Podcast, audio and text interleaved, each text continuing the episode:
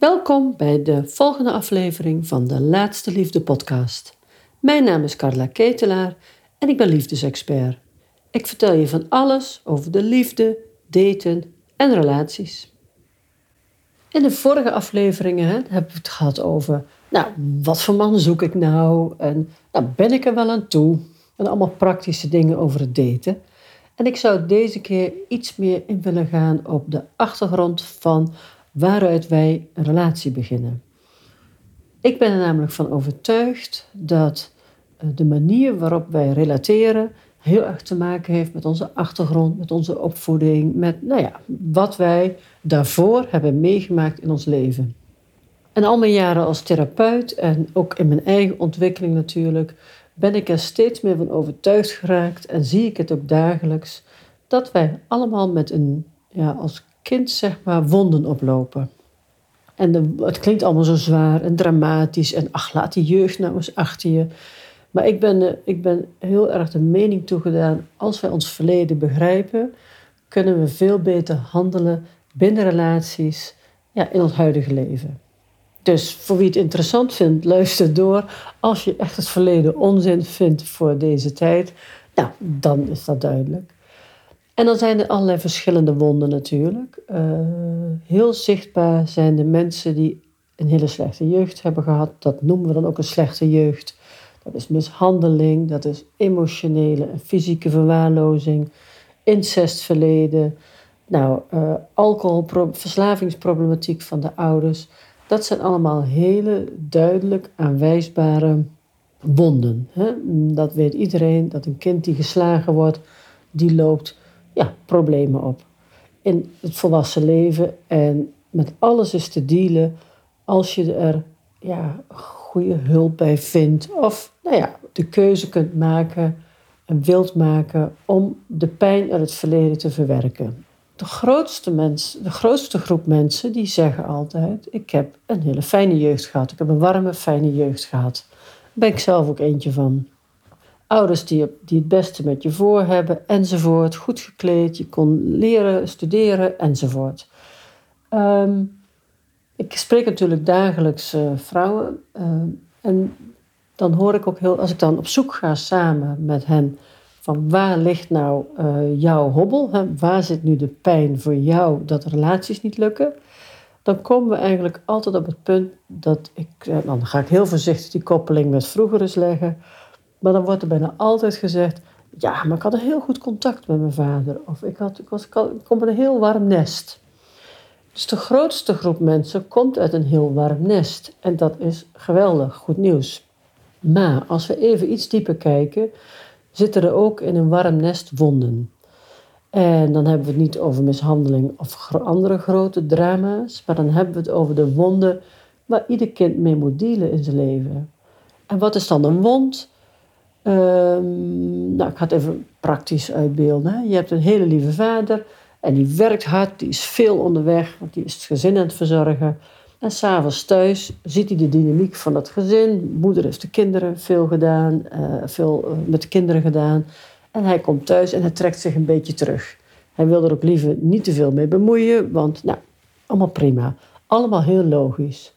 Maar als dit een patroon is en dit vindt jaar in jaar uit plaats, dat de rollen zo verdeeld zijn dat de vader zich dus wat terugtrekt als hij thuis komt, dan heb je als meisje de vader gemist. Dat noem ik wel eens de aanwezige, afwezige vader. Dus hij is er wel, maar hij is er tegelijkertijd ook niet. Deze man doet niks fout. Je weet dat hij van je houdt, hij zorgt voor je, dat weet je. Ergens voel je dat van binnen. Maar uh, wat de wond veroorzaakt, is dat het emotioneel zo schraal is dat je het niet echt in daden of woorden kunt voelen. En wat bedoel ik dan met woorden voelen? Het is belangrijk dat je als kind te horen krijgt: wat fijn dat je er bent. We wilden heel graag dat jij er nog kwam. Ik ben dol op je. Ik hou van je. Gewone, lieve, bevestigende, emotionele uitspraken van ouders naar kinderen. Nou, dit is even de, het voorbeeld van de vader. Als jij die dochter bent, zul jij de rest van je leven in je volwassen relaties, als je dit niet bewust bent, altijd op zoek blijven naar iemand die deze wond kan helen. En wat doen we dan? Dan vinden we ook een man die emotioneel wat op slot is of die zich wat terugtrekt. Of we vinden een hele dominante aanwezige man, die eigenlijk ook onzeker is, maar het camoufleert. Dus we zitten eigenlijk altijd in de uiterste. Nou, even bij die eerste man te blijven. Jij hebt een relatie in je volwassen leven met een man die een beetje op je vader lijkt. En wat gebeurt er? Jij gaat duwen en trekken. Want die wond van jou, die wordt geactiveerd en getriggerd door het contact met deze man, met jouw huidige volwassen relatie. En op het moment dat dat zo tikt en triggert, en je bent niet bewust dat het uit jouw jeugd komt, dan speelt dat in deze relatie een continue rol. Gelukkig is dat helemaal geen probleem, want onbewust zoeken we altijd mensen, relaties die op onze oude pijnpunten drukken, want ieder mens wil het liefst dat de pijn opgelost wordt. En dat is allemaal niet zo bewust.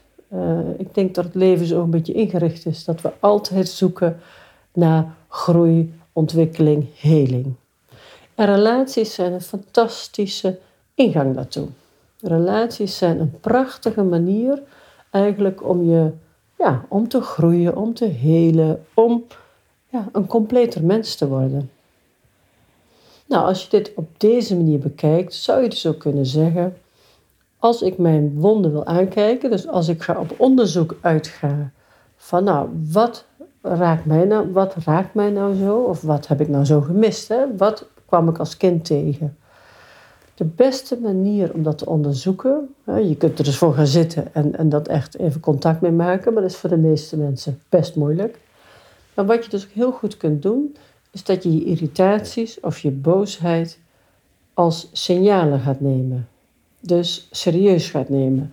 En niet meer denkt van, ah, ik moet niet zo snel irriteren. Of die persoon heeft ook wel een punt. Of ze kan er ook niks aan doen. Ze is al zo oud. Nou, noem maar op. We hebben allerlei excuses om onze irritaties of boosheid weg te poetsen. Als je dat nu eens niet meer doet en je gaat eens zitten met de irritaties die je hebt. Iedere irritatie of boosheid is een innerlijke grensoverschrijding. Dus ergens wordt daar iets geraakt wat voor jou niet prettig voelt. En bijna altijd is dat ergens gestart tussen je eerste en je achtste jaar. In jouw vroegste jeugd.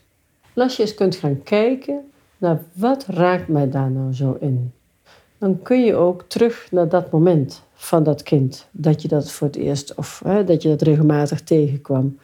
En daar zal ik een andere keer over hebben, hoe je dat dan aan zou kunnen pakken om dat te helen. Maar belangrijk is, is dat je dat bij jezelf gaat houden. Dat je voelt van, oh ja, ik reageer daarop omdat ik dit of dat heb meegemaakt. Of ik uh, heb altijd zo'n hekel aan mensen die haantje de voorste zijn. Als je zelf veel weggedrukt bent vroeger of wat dan ook, dan is dat een trigger voor je. Dan vind je heel snel dat de ander bij de hand is of op de voorgrond of alle aandacht vraagt. Nou, dan heb je zelf daar waarschijnlijk uh, de tegenovergestelde in meegemaakt. Of ben je bescheiden, of zei je moeder altijd van doe maar gewoon hoor, doe je al gek genoeg. Nou, allemaal dat soort uh, dingen die je meegemaakt hebt, spelen mee in jouw reacties nu. Als we het weer even terughalen naar de relatie van nu, dan betekent dat dat je in huidige relaties ook veel meer op die manier zou kunnen handelen. Maar dat vraagt wel bewustwording van beide personen. En ja, je kan het over hebben met je partner natuurlijk, maar als je nog geen partner hebt, is dat ook heel erg handig om dit van tevoren van jezelf te weten. Op het moment namelijk dat je bewust bent hiervan, ik ga toch nog even terug naar de relatie, want je hebt vast een relatie gehad, je kent vast ook wel een relatie die fout is gegaan. Of als je partner overleden is, heb je ook dit soort ervaringen gehad in de relatie. Op het moment dat je een conflict hebt, of dat je een ja, meningsverschil hebt, of dat je voor de zoveelste keer ontzettend ergert aan iemand, Stel je partner luistert niet naar je, of je hebt het gevoel dat hij niet goed luistert, of hij, uh, weet ik veel, zit met zijn telefoon te mieren. En terwijl je net thuis komt en je wilt je verhaal vertellen. En voor je het weet escaleert de boel. Want hij drukt op de knop Ik word niet gezien, ik word niet gehoord. En die knop is vele malen eerder ingedrukt. Daar ben je mee groot geworden. Je hebt gehunkerd naar een vader die zei: Ach, wat ben je toch een lief kind, wat fijn dat je er bent. Maar papa zei nooit wat hij vond. Die zat rustig stil, een beetje thuis te zijn, zonder dat hij echt emotioneel aanwezig is. En ik noem dat in een emotioneel schrale omgeving groot worden. En dat is niet dramatisch. Uh, het, het goede nieuws is, het slechte nieuws is dat heel veel mensen dit kennen, emotioneel schrale omgevingen. En het goede nieuws is dat je dat zelf heel erg kunt veranderen als je dit bewust wordt. Dus je kunt voor jezelf en jouw naasten en jouw dierbaren en jouw kinderen dit gewoon anders gaan doen. Dit is een manier, dit kan je leren, dit kan je bewust worden en daar kan je ook nieuwe stappen in zetten. Dat is heel hoopvol. En dit kun je dus ook met je partner. Met je, dat zou je misschien met je vorige partner hebben gekund.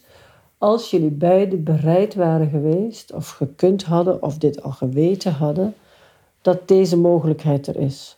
Dus in plaats van dat we dan hè, thuiskomend van werk en we zijn uh, ja, geïrriteerd of we willen even ons verhaal kwijt en de ander luistert niet, in plaats van dan boos te worden op de ander, ja, maar jij ook altijd en je hoort me nooit, is het heel interessant om te kijken, wat gebeurt hier nou? Voor je dus in de actie, reactie gaat met de ander, wat gebeurt hier nou?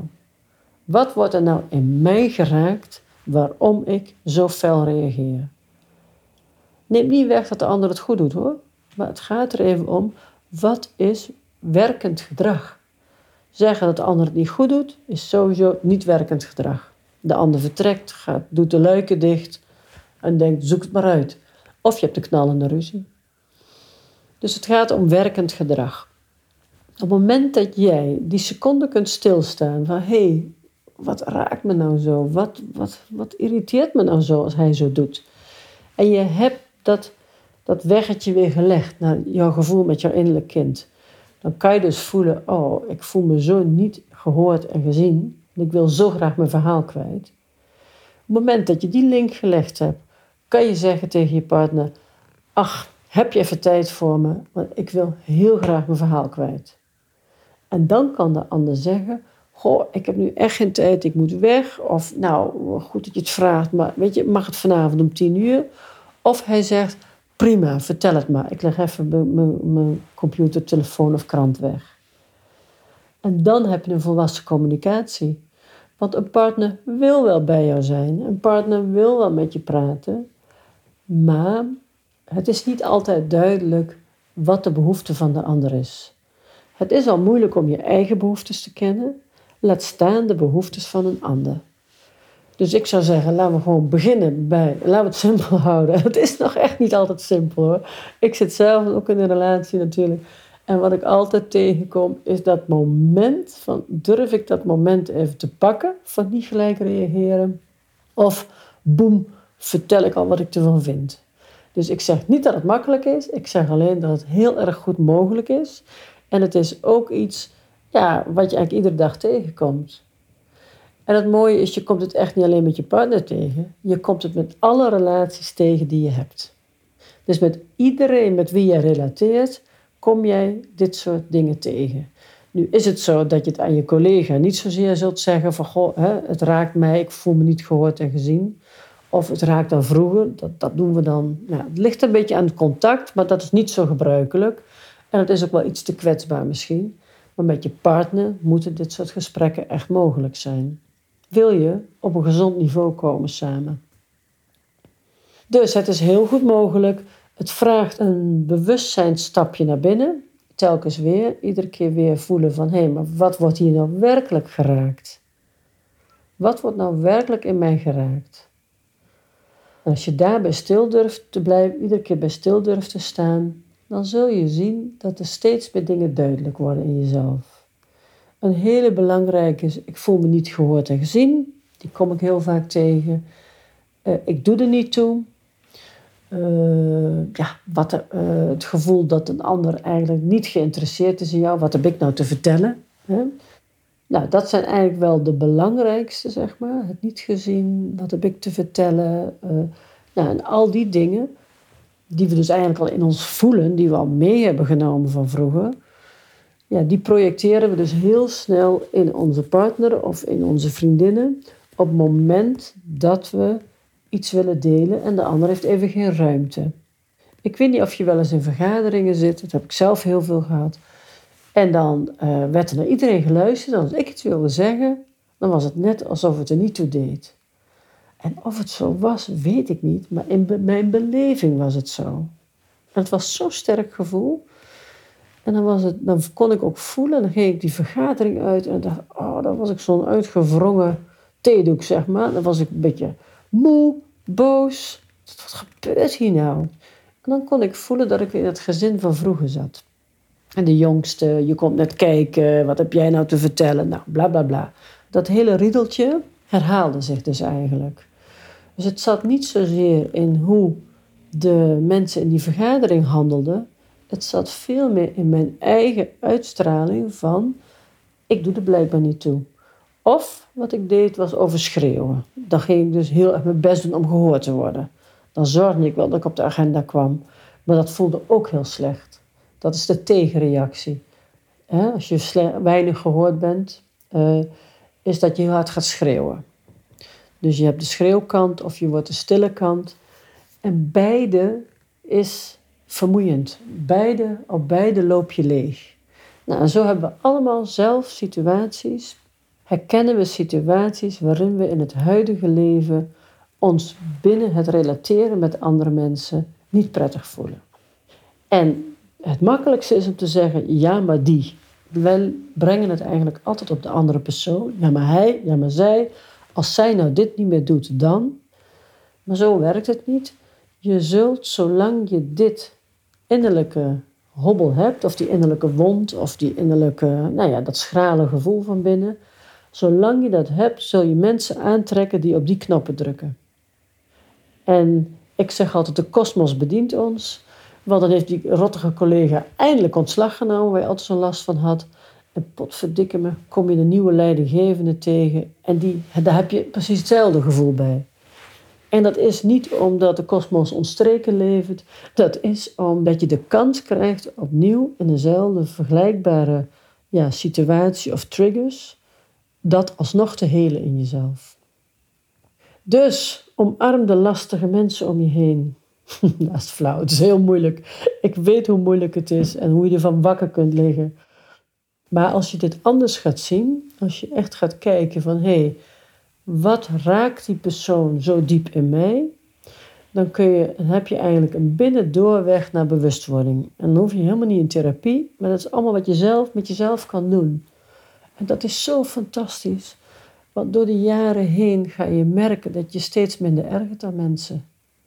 Ik durf wel te zeggen, ik doe dat natuurlijk al jaren nu. Ik ben al 30 jaar met mezelf aan het, onderzoeken en aan therapieën. Nou, het is een beetje mijn hobby zeg maar, geworden, maar ook mijn, ja, het is ook mijn levenselixer, zullen we maar zeggen. Dus ik, ik hou van ontwikkelen en van helen en van groeien. En ik merk, ik stoor me eigenlijk zelden meer aan mensen. En dat is, klinkt een beetje raar misschien, maar en als ik me wel stoor, dan ga ik eens afvragen, hey, waar drukt die persoon op in mij? En dan zit er nog wat, of dan stel ik allemaal geen dramatische sessies met mezelf voor, maar dan ga ik eens even zitten. En dan ga ik voelen, hé, wat is interessant, wat, wat is dat nou toch? Of dat heb ik bij die en bij die en bij die altijd. Nou, en dit is eigenlijk ja, hoe je ook, als je een gezonde relatie hebt, hoe, dat, hoe dat ook werkt. Dat je dus, in een, dus voor, je, voor je iets op een ander projecteert, dat je bij jezelf gaat kijken: hé, hey, waar zit het nou?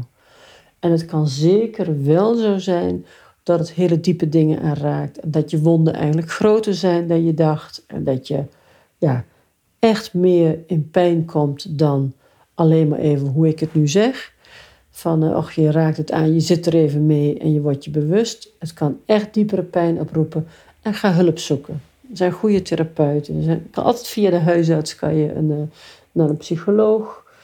Dus laat het er dan niet bij zitten. Als je echt voelt, ik raak van slag van wat ik hier nu hoor en van oude pijn, ga hulp zoeken. En voor heel veel mensen die dit, uh, waarbij het niet heel veel oude pijn aanraakt en die dit met zichzelf kunnen, nou, dit is echt iets wat je dagelijks of om de paar dagen even kunt doen. als je een trigger tegenkomt. Nou mensen, een heel verhaal over de achtergrond van ja, hoe ik denk dat je een relatie gezond houdt. En het gaat er altijd over het kijken naar je eigen wonden. En wonden zijn niet dramatisch, is niet, uh, um, jeetje, wat doet ze toch altijd moeilijk? Nee, wonden heeft iedereen. Ieder, ieder mens groeit op met innerlijke wonden. Of we ze willen zien of wegdrukken, is wat anders. De mensen die het wegdrukken, dat zijn, dat, dat zijn ook heel veel mensen natuurlijk, maar als jij wilt groeien in jouw relaties, als je een gezonde relatie, uh, liefdesrelatie wil, is het zeer helpend als je jezelf goed kent, ook op dit gebied. Nou, ik zou zeggen, blijf op zoek en ga zelf, uh, ja, neem jezelf mee in het hele, in het hele verhaal. En uh, neem vooral jezelf mee in je wonden, in het zoeken naar je eigen wonden, want die gaan jou heel veel opleveren in je relaties, in je leven. Je gaat er echt een veel blijer mens van worden. Want je pakt het stuur zelf weer in handen. Op het moment dat je denkt dat het aan de ander ligt, ben je altijd afhankelijk van de buitenwereld.